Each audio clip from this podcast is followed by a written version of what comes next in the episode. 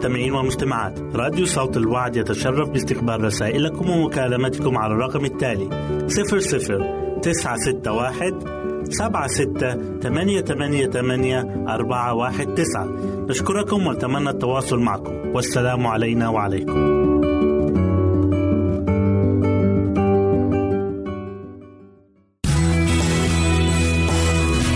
يمكنك استماع وتحميل برامجنا من موقعنا على الإنترنت.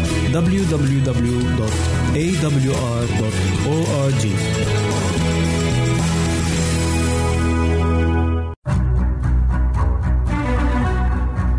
أعزائي المستمعين والمستمعات تتشرف راديو صوت الوعد باستقبال أي مقترحات أو استفسارات عبر البريد الإلكتروني التالي.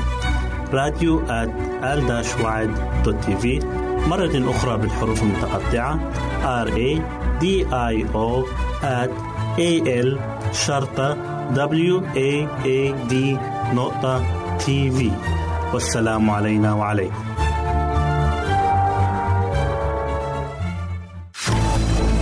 أعزائي المستمعين والمستمعات راديو صوت الوعد لا يكتفي بخدمتكم عبر الموجات الصوتية فقط بل وإنه يطرح لكم موقعا إلكترونيا يمكنكم من خلاله مشاهدة أجمل البرامج الدينية الثقافية الاجتماعية وغيرها من المواضيع الشيقة.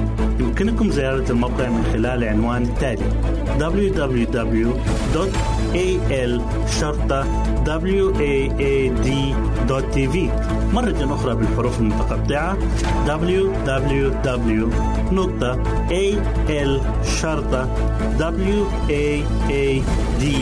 www.al-waad.tv والسلام علينا وعليكم.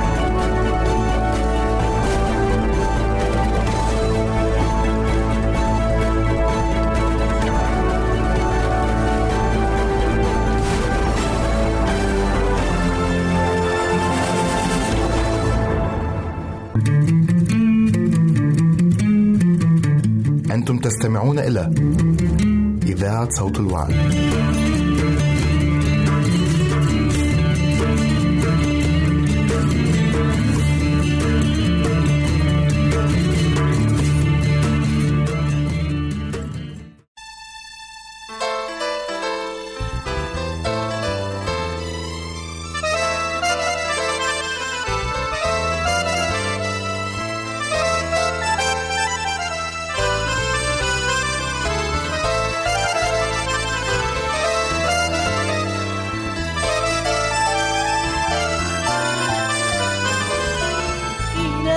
إلهي كن قائدي في مسيرة الصلب لأقدمي إلهي إلهي كن قائدي في مسيرة الصلب لأقتدي أراك ضعيفا وأنت القوي تصفح وتغفر لكل معتدي.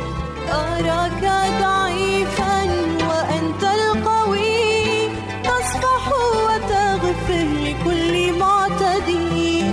افعل ما تريد أنت رفيق.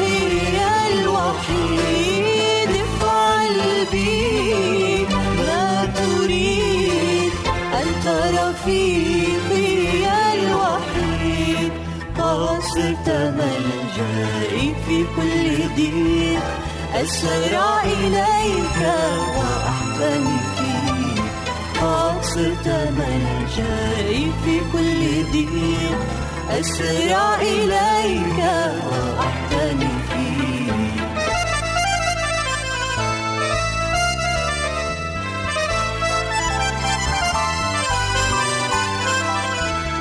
صليب العاري قد حملته بكل فخار قد رفعته ها صليب العار قد حملته.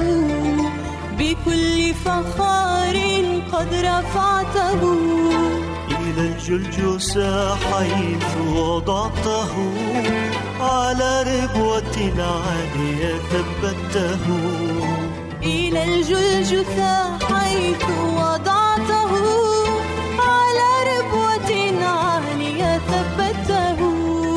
افعل بي ما تريد.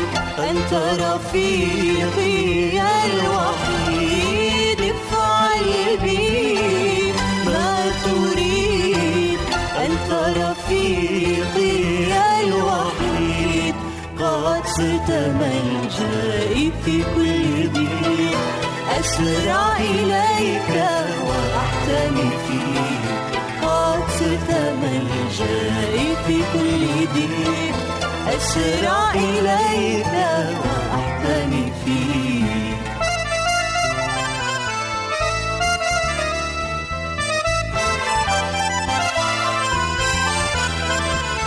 قد وضعت ذاتك على صليب العار مستسلما له بكل إصرار قد وضعت ذاتك على صليب العار مستسلما له بكل إصرار.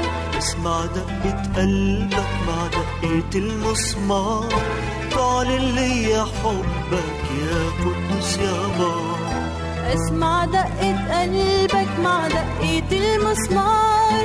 تعلن لي حبك يا قدوس يا بار افعل بي ما تريد أنت رفيقي الوحيد افعل بي ما تريد أنت رفيقي الوحيد قد صرت ملجئي في كل ضيق. أسرع إليك قد صرت ملجئي في كل ضيق أسرع إليك وأحتمي فيك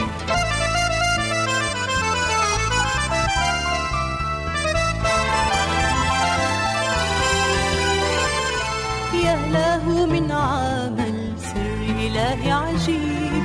أصير شريكا في طبعة الحبيب. يا له من سر إله عجيب. أصير شريكا في طبعة الحبيب. همسة حب للقلب تذيب. صرت له أسيرا وخدت لي نصيب. همسات حب للقلب تذيب.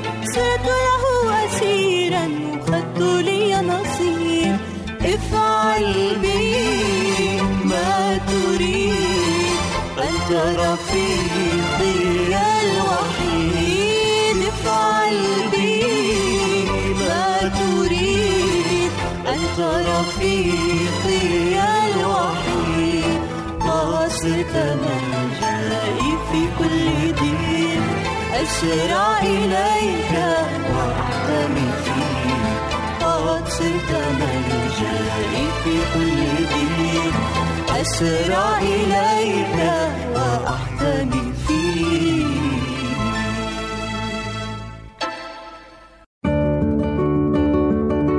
أعزائي المستمعين والمستمعات راديو صوت الوعد يتشرف باستقبال رسائلكم ومكالمتكم على الرقم التالي 00 961 سبعة ستة ثمانية ثمانية ثمانية أربعة واحد تسعة. نشكركم ونتمنى التواصل معكم. والسلام علينا وعليكم.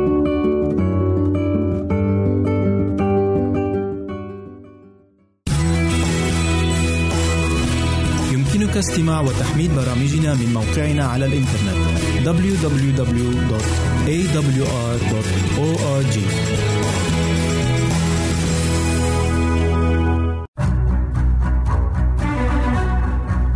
أعزائي المستمعين والمستمعات تتشرف راديو صوت الوعد باستقبال أي مقترحات أو استفسارات عبر البريد الإلكتروني التالي راديو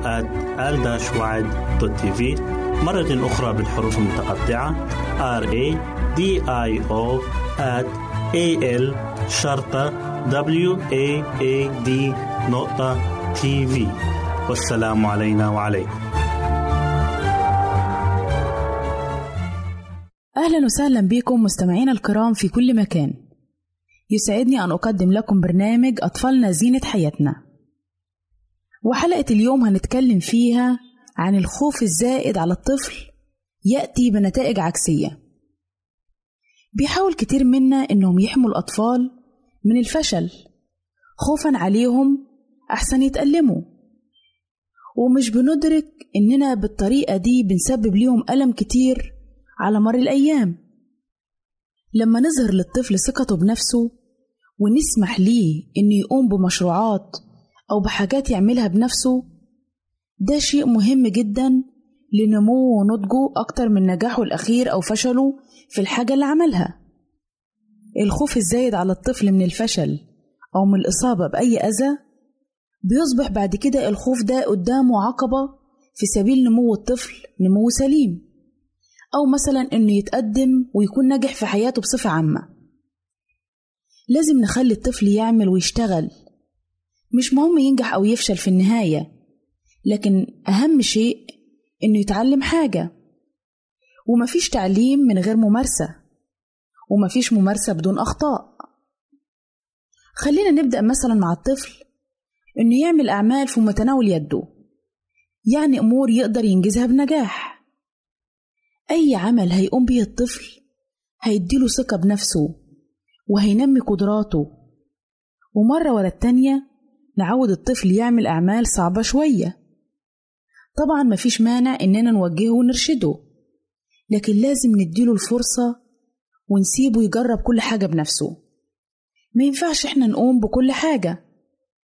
يعني مثلا لو طفلك حب يساعدك في البيت كويس جدا إنه يساعدك. طبعا أكيد هتتعطلي شوية لكن مهم قوي إن هو يتعلم حاجة. سيب الفرصة لبنتك الصغيرة إنها تساعدك مثلا في تقطيع الخضار أو تنظيفه أو تنقي الثمر الغير صالح. هتتعطلي شوية أكيد لكن في النهاية هتكون الطفلة سعيدة وهتكتسب صفات كتيرة جدا مهمة لنموها وهتكون أكتر ثقة بنفسها. في مخاوف كتير بتكون عند الآباء والأمهات نقدر نسميها مخاوف وهمية. وللأسف المخاوف دي بتتحكم في سلوكياتهم وتعاملاتهم مع أبنائهم. وندي مثال على كده خوف الأم إنها تشتري لابنها دراجة أو عجلة بالرغم من حبه الشديد جدا إنه يسوق عجلة وبيتمنى إنه يكون عنده عجلة.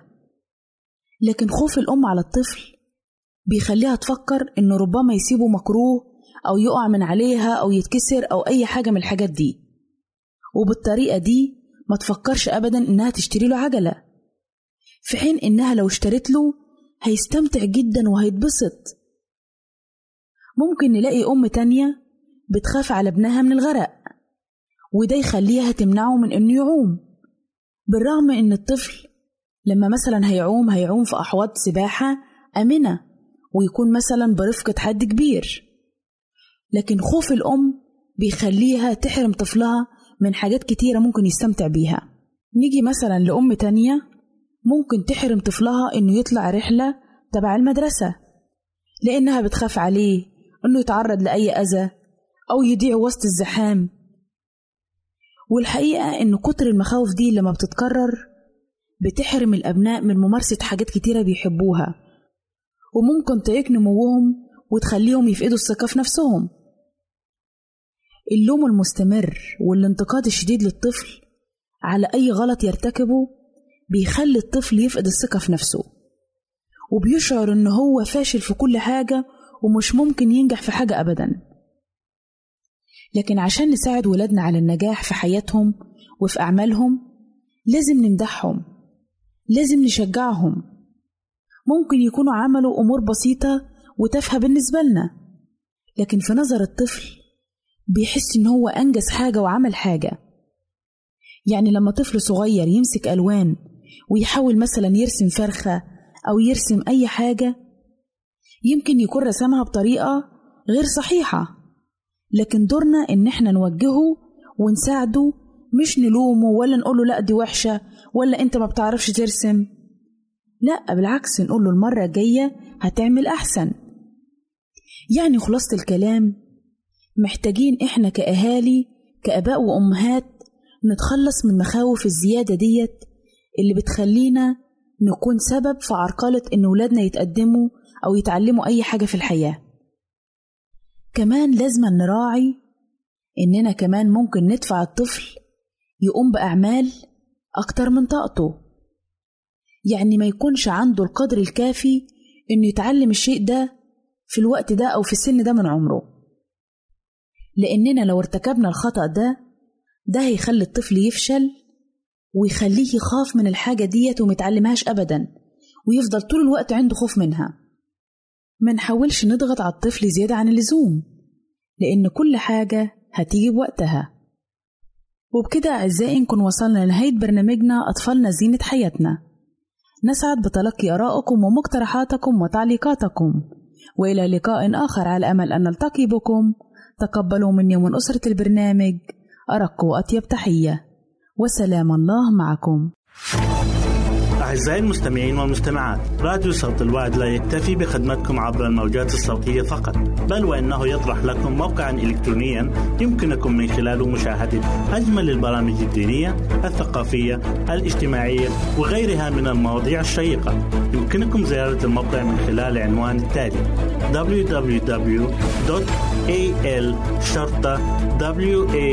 www.al-waad.tv مرة أخرى بالحروف المتقطعة www.al-waad.tv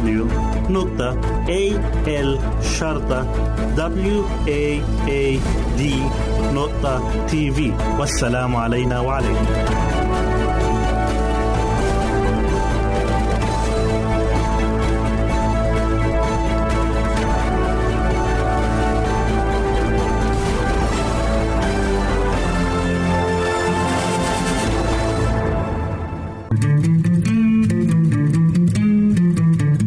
أنتم تستمعون إلى إذاعة صوت الوعد.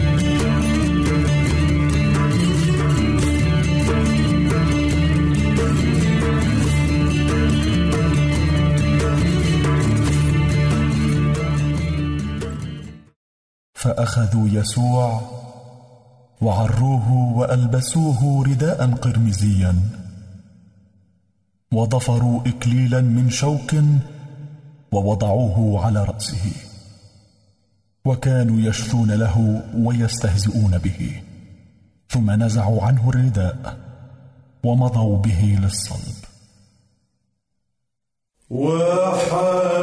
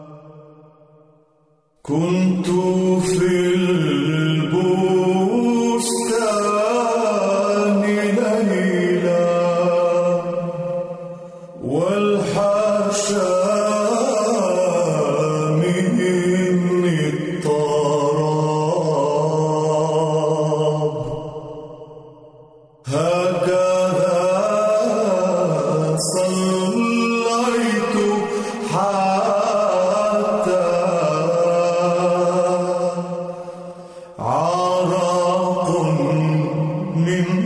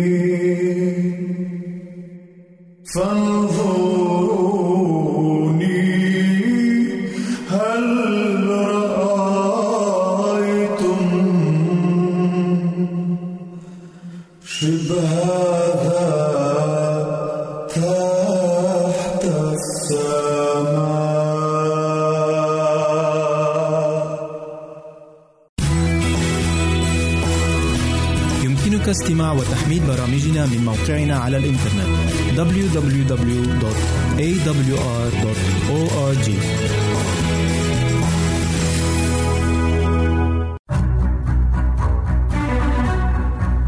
أعزائي المستمعين والمستمعات تتشرف راديو صوت الوعد باستقبال أي مقترحات أو استفسارات عبر البريد الإلكتروني التالي راديو تي في مرة أخرى بالحروف المتقطعة R A D I O at A L شرطة W A A D نقطة تي في والسلام علينا وعليكم.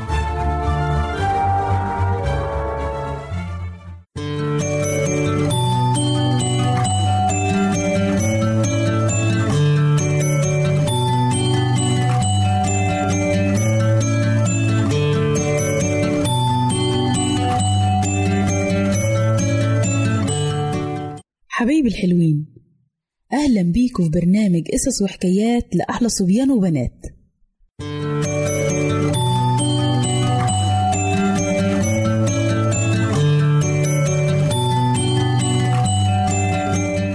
قصتنا النهاردة من الكتاب المقدس.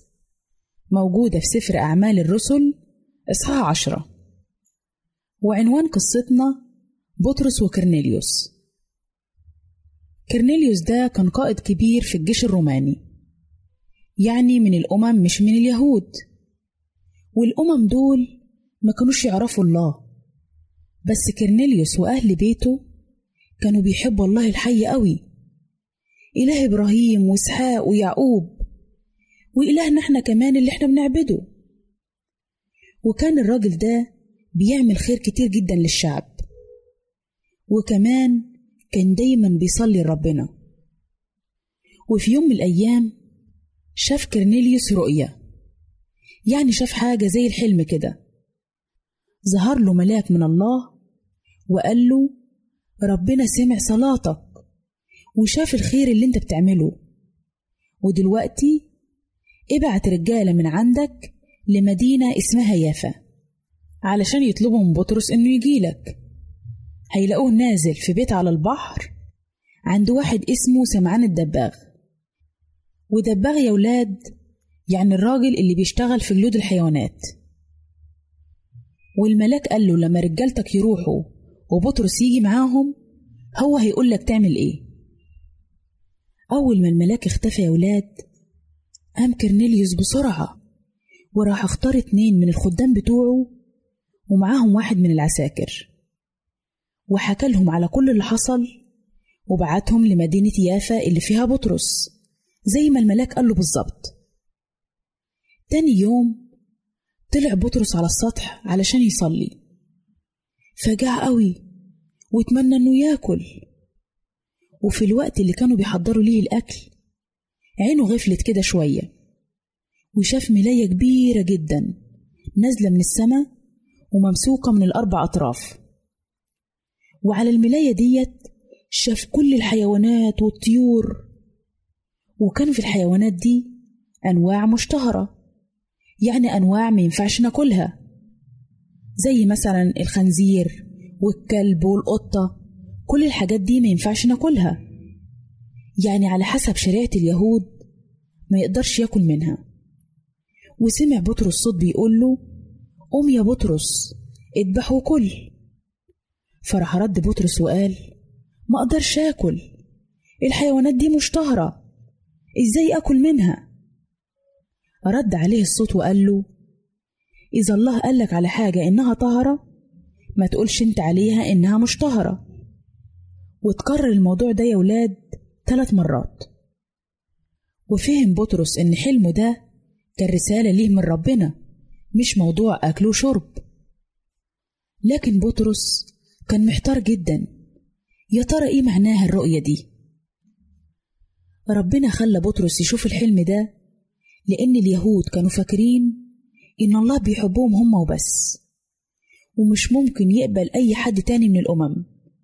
يعني اليهود بس هم اللي هيروحوا السماء وهم اللي ربنا بيحبهم وأي شخص تاني على وجه الأرض الله مش بيحبه. وده طبعا كلام غلط. المهم إنه في نفس اللحظة خبط الرجالة اللي بعتهم كرنيليوس على الباب.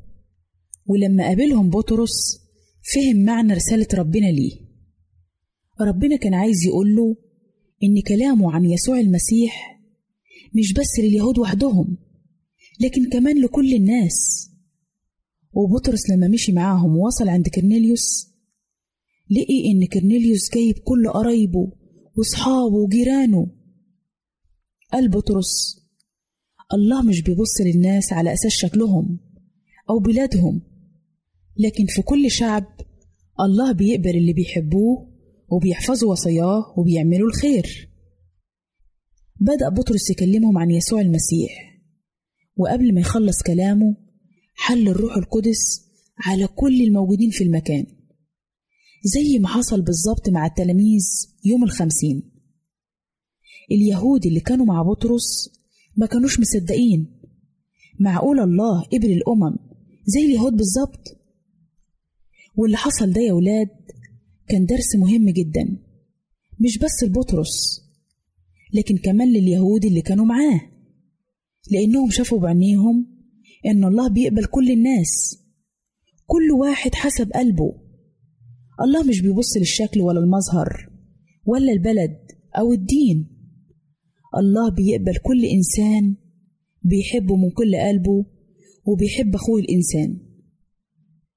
ومن القصة دي يا ولاد نتعلم درس مهم جدا. إذا كان الله ليه كل المجد ورى رؤية لبطرس عشان ما يعملش تفرقة بين شخص وشخص أو شعب وشعب إحنا كمان الرسالة دي لينا النهاردة. إننا ما ينفعش نفرق ولا نميز بين أي شخص والتاني. لازم نحب كل الناس لأن من أهم صفات الله إن الله محبة. وبكده حبايبي نكون وصلنا لنهاية قصتنا. واستنونا في قصة جديدة من برنامج قصص وحكايات لأحلى صبيان وبنات. ربنا معاكم.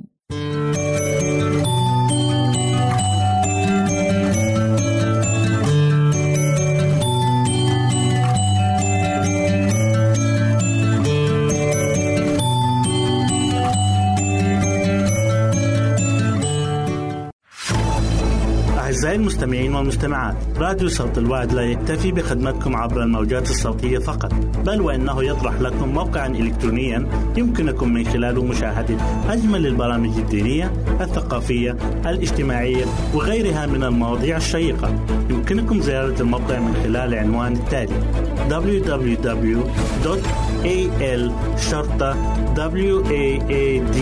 www.al-waad.tv مرة أخرى بالحروف المتقطعة.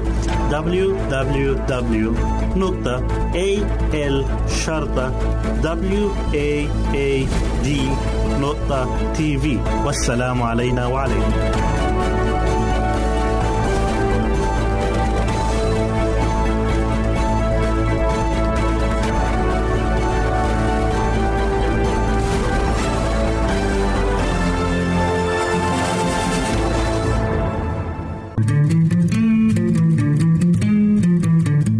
أنتم تستمعون إلى إذاعة صوت الوعي.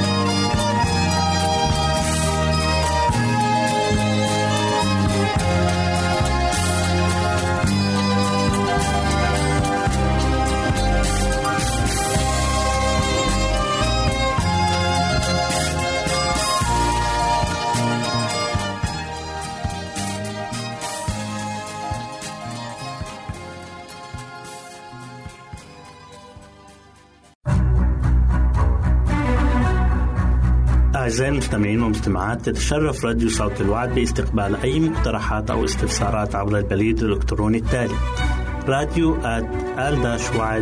TV مرة أخرى بالحروف المتقطعة R A D I O A L شرطة W A A D نقطة TV والسلام علينا وعليكم.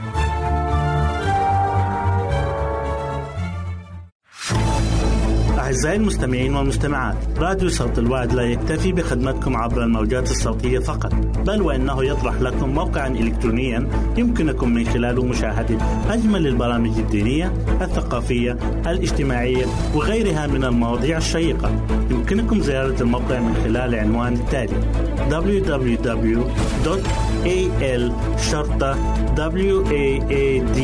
شرطة waad.tv مرة أخرى بالحروف المتقطعة www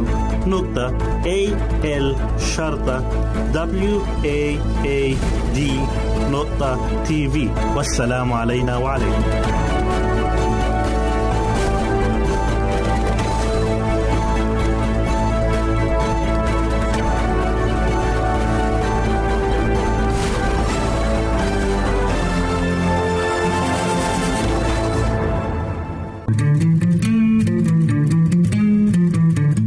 أنتم تستمعون إلى إذاعة صوت الوعي.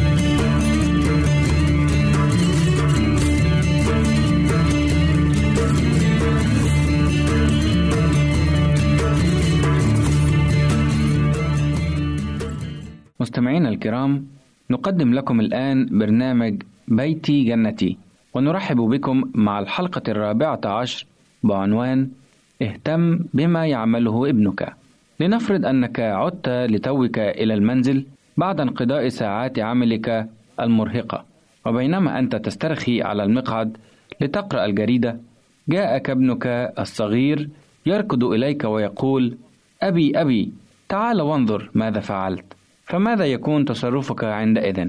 يحتاج الأطفال إلى اهتمامنا بهم وإلى محبتنا وفي بعض الأحيان عندما يحرموا من هذا الاهتمام وتلك المحبة خلال اليوم بطوله فإنهم قد يظهرون شقاوة بالغة في محاولاتهم جذب انتباهنا فور عودتنا إلى البيت. تخبرنا الدكتورة منى اليوم بنصيحة قيمة مفادها أنه عندما يحدث هذا مع أولادك فلا تعطهم ما يستحقونه بل ما يحتاجون إليه.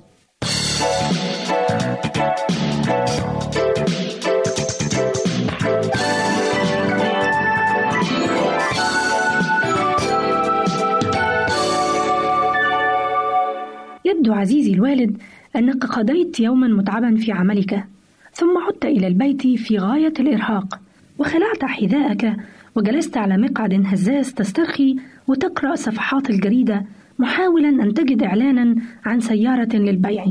فأنت في مسيس الحاجة إلى واحدة تساعدك في تحركاتك ولكنك ما أن تفتح الجريدة لتتصفحها حتى يركض إليك ابنك البالغ الثالثة من العمر ويجذبك من يدك قائلا تعال يا أبي وانظر ماذا فعلت في الخارج. ما هو رد فعلك تجاه طلبه هذا؟ هل تقول بكل ممنونية يا ابني؟ ثم تلبس حذاءك من جديد وتسير خلف ابنك إلى الحديقة؟ هل هذا ما كنت تفعله حقا؟ كن صادقا مع نفسك. لا أعتقد أنك كنت تفعل هذا خاصة إذا كنت مثل معظم الوالدين الآخرين. فمعظمنا كان يرد على طفل كهذا بما يلي ليس الآن يا ولد ألا ترى أنني منهمك في قراءة الجريدة وأنني متعب من العمل؟ وماذا سيكون تصرف الطفل في هذه الحالة؟ هل سينسحب بهدوء وينتظر ريثما تنتهي أنت من تصفح الجريدة؟ كلا على الإطلاق فالشيء المألوف هو أنه سيتوسل ويتوسل أبي أرجوك لا أستطيع الانتظار أريدك أن ترى ماذا فعلت في الحديقة فترد أنت بحدة انتظر يا ولد كما قلت لك وبطل شقاوة لأني مشغول الآن. فيقول ابنك وهو يسحب الجريدة من يدك بتوسل يا أبي دعني أريك ما عملت إنه جميل جدا. تعال وانظر. فتصرخ في وجهه بغضب اترك الجريدة يا ولد فأنا لا أستطيع أن أقرأ وأنت تهزها هكذا. فيعود الولد بتوسل بصوت منخفض أبي أرجوك. فتصيح أنت بصوت أعلى مهددا إذا لم تتركني وشأني وتتوقف فورا عن ملاحقتي بطلبك فسأعطيك ما تستحقه. أخرج فورا. وإذ تقول ذلك تدفعه بشدة بيدك. أمام هذا التهديد بالخطر القادم أو العقوبة الشديدة التي ستنزل عليه يتراجع صغيرك وينزوي إلى الغرفة المجاورة. ولكن هذا الانزواء لا يدوم سوى دقائق قليلة. الموضوع هو أن الولد لم يرى والده طوال اليوم وقد افتقد حضوره بعد أن جاع إلى المحبة والاهتمام وما دام الطفل يربط بين المحبة وبين اهتمام الآخرين به وبما يعمل فإنه لن يرضى أبدا ولن يقتنع إلا إذا حصل على الاهتمام الذي يحتاج إليه بإلحاح وشدة فماذا يفعل ابنك إذا؟ إنه ولا شك سيأتي بعد برهة ليقفز فوق رجليك ممزقا الجريدة التي بين يديك ليجلس هو على رجليك والآن ماذا يكون رد فعلك؟ هل تعتبره يستحق العقاب وتنهال عليه ضربا ولكما وركلا أو أنك تعطيه ما يحتاج إليه؟ أي هل تعاقبه أم تحتضنه؟ معظمنا لا يتفهم الرسائل البارعة التي يحاول الأطفال إيصالها إلينا بلطف وأحيانا بمكر ومعظمنا أيضا يرى في تصرفهم هذا خروجا على الأدب والذوق تمس الحاجة إلى ردعه بالعقاب والانتهار بينما الرسالة الحقيقية التي يود الولد أن يتفهمها والده هي أني أتدور جوعا إلى محبتك يا والدي بعد غيابك الطويل عني وأحتاج أن توليني بعض الاهتمام الإيجابي وهذا أمر لا يحتمل الإرجاء. كن مستعدا إذا وفي المرة القادمة التي تقرأ فيها الجريدة ويأتيك ابنك الصغير ليجذب انتباهك إليه ضع جريدتك جانبا وخذ ابنك على حجرك أو اخرج معه لترى ما يريد أن يطلعك عليه. وفي غالب الأحيان سيكتفي الولد بذلك وفي غضون دقائق معدودة يشعر الولد بالرضا لهذا الاهتمام الإيجابي بحيث يقول وهو كذلك يا أب يمكنك أن تعود إلى قراءة الجريدة الآن. وأود أن أؤكد لك أن بحثك عن سيارة تشتريها في إعلانات الجريدة سيكون دقيقا ومسليا وسيغامرك شعور بالارتياح لأنك أوليت ابنك أولا ما يحتاجه من اهتمام ومحبة. فأيهما أفضل وأعز على قلبك ابنك وفلذة كبدك أم قراءتك للجريدة؟ عزيزي المستمع أولادنا هم أعز شيء لنا في الوجود. فلنعطهم الاهتمام اللازم ونحيطهم بالمحبة التي يحتاجونها. وإلى الحلقة القادمة لك منا كل أمان الخير والسعادة وإلى اللقاء.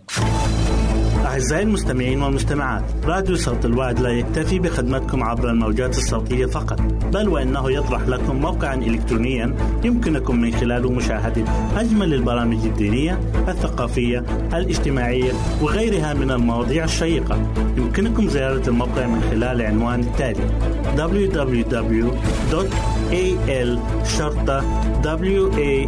www.al-waad.tv مرة أخرى بالحروف المتقطعة www.al-waad.tv والسلام علينا وعليكم.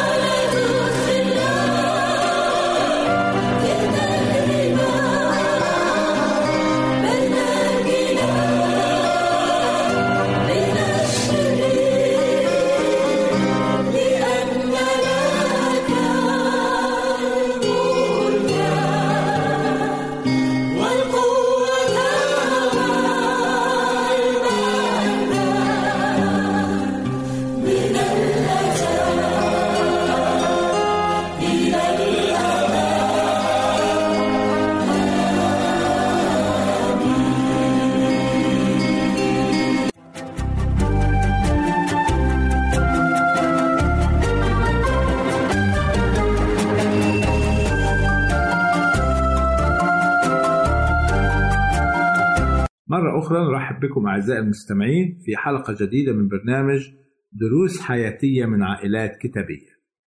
كنا قد تكلمنا في حلقة سابقة كيف أن الشر انتشر في وقت نوح وأراد الله أن يمحو الإنسان عن وجه الأرض بسبب شروره وبسبب خطاياه. ولقد عرفنا أن العالم في وقت نوح كان مليئا بالشر والتمرد على الله. فكيف استطاع نوح أن يظل أمينا لله بالرغم من الظروف الصعبة المحيطة به؟ وما هي القوة التي جعلته ثابتا على طاعته لله؟ بالفعل لم يكن من السهل على نوح أن يظل أمينا لله هو وعائلته في الوقت الذي كان فيه كل الناس من حوله بل كل العالم الذي كان يعيش فيه في ذلك الوقت كان شريرا ومتمردا على الله وعلى شريعته. ولكن استطاع نوح أن يعيش امينا لله. يمكن البعض يسأل ما هو سر القوة التي جعلت نوح يظل امينا لله؟ أو ما هذه القوة؟ عندما نقرأ سفر العبرانيين أصحاح 11 سوف نجد أن نوح هو واحد من أبطال الإيمان. وهذا الإيمان هو الذي منحه القوة لمقاومة الشر. ومنحه الثبات في أمانته وطاعته لله. لذلك يقول الكتاب المقدس في رسالة يوحنا الأولى والأصحاح الخامس والعدد الرابع لأن كل من ولد من الله يغلب العالم وهذه هي الغلبة التي تغلب العالم إيماننا. نعرف من الكتاب المقدس أن نوح أخذ أو ورث هذا الإيمان من آبائه ونقله إلى أبنائه. وهذا درس هام لنا كآباء. كثيرا ما نهتم أن نترك ميراث لأولادنا. وعندما نذكر كلمة ميراث فإن تفكيرنا يتجه إلى الأشياء المادية. في معنى هذه الكلمة فالميراث في المفهوم البشري والعالمي يعني ممتلكات عقارات أراضي أموال. فبعض العائلات تترك لأولادهم ميراث ثروات وممتلكات. وبعض العائلات تترك ميراث ديون أو أزمات مالية أو مادية. وكلا الشيئين يرتبطان بالمادة أو الأمور المادية. ولكن في مفهوم الكتاب المقدس الميراث له معنى أسمى وأعظم حيث نقرأ في بطرس الأولى. والأصحاح الأول والعدد ثلاثة وأربعة. مبارك الله أبو ربنا يسوع المسيح الذي حسب رحمته الكثيرة ولدنا ثانية لرجاء حي بقيامة يسوع المسيح من الأموات. لميراث لا يفنى ولا يتدنس ولا يضمحل محفوظ في السماوات لأجلكم.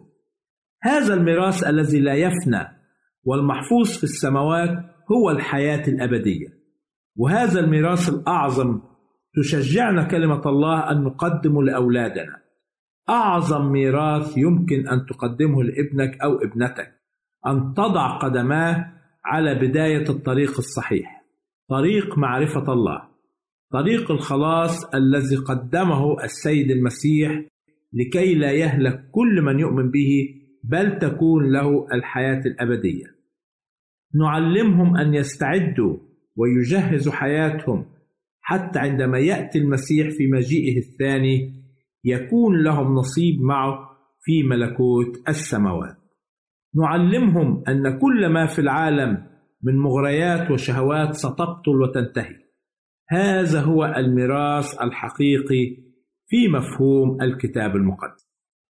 ولكن عندما نقرأ في تكوين أصحاح ستة نجد الله يطلب من نوح أن يصنع فلكا لنفسه هو وبنيه وامرأته ونساء بنيه وأن يدخل من كل أنواع الحيوانات والطيور اثنين اثنين ذكرا وأنثى للإبقاء عليها فلماذا جعل الله الفلك لنوح وعائلته فقط؟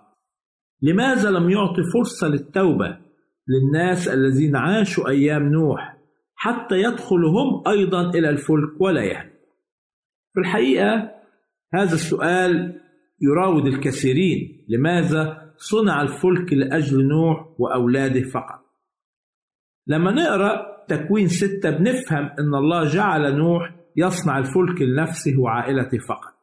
ولكن لنتأمل فيما يوصينا به الكتاب المقدس على لسان الرسول بولس حيث نقرأ في كورنثوس الأولى الأصحاح الثاني وعدد 13 تقول كلمة الرب التي نتكلم بها أيضا لا بأقوال تعلمها حكمة إنسانية بل بما يعلمه الروح القدس قارنين الروحيات بالروحيات يوصينا هنا الرسول بولس أننا يجب أن نقابل ونقارن الآيات بالآيات. التي تتكلم عن نفس الموضوع في كتب وأسفار الكتاب المقدس. لأنه من الخطأ أن نخرج باستنتاج وتفسير ما من خلال أصحاح أو بعض الآيات. مثل الأصحاح السادس من تكوين آه، يظهر وكأن الله غير عادل في معاملاته معنا وهذا بالطبع غير صحيح.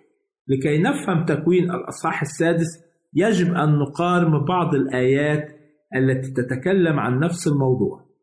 فنقرأ في بطرس الثانية الأصحاح الثاني والعدد الخامس. ولم يشفق على العالم القديم بل إنما حفظ نوحا ثامنا كارزا للبر إذ جلب طوفانا على عالم الفجار. هنا توضح هذه الآية أن نوح كان كارزا للبر. كرز وبشر وحذر الناس الذين عاشوا في أيامه. سعدت أن أكون معكم في هذه الحلقة أعزائي المستمعين. إلى أن ألقاكم في حلقة جديدة. سلام الرب يكون معكم. نرجو التواصل معنا عبر هذه العناوين.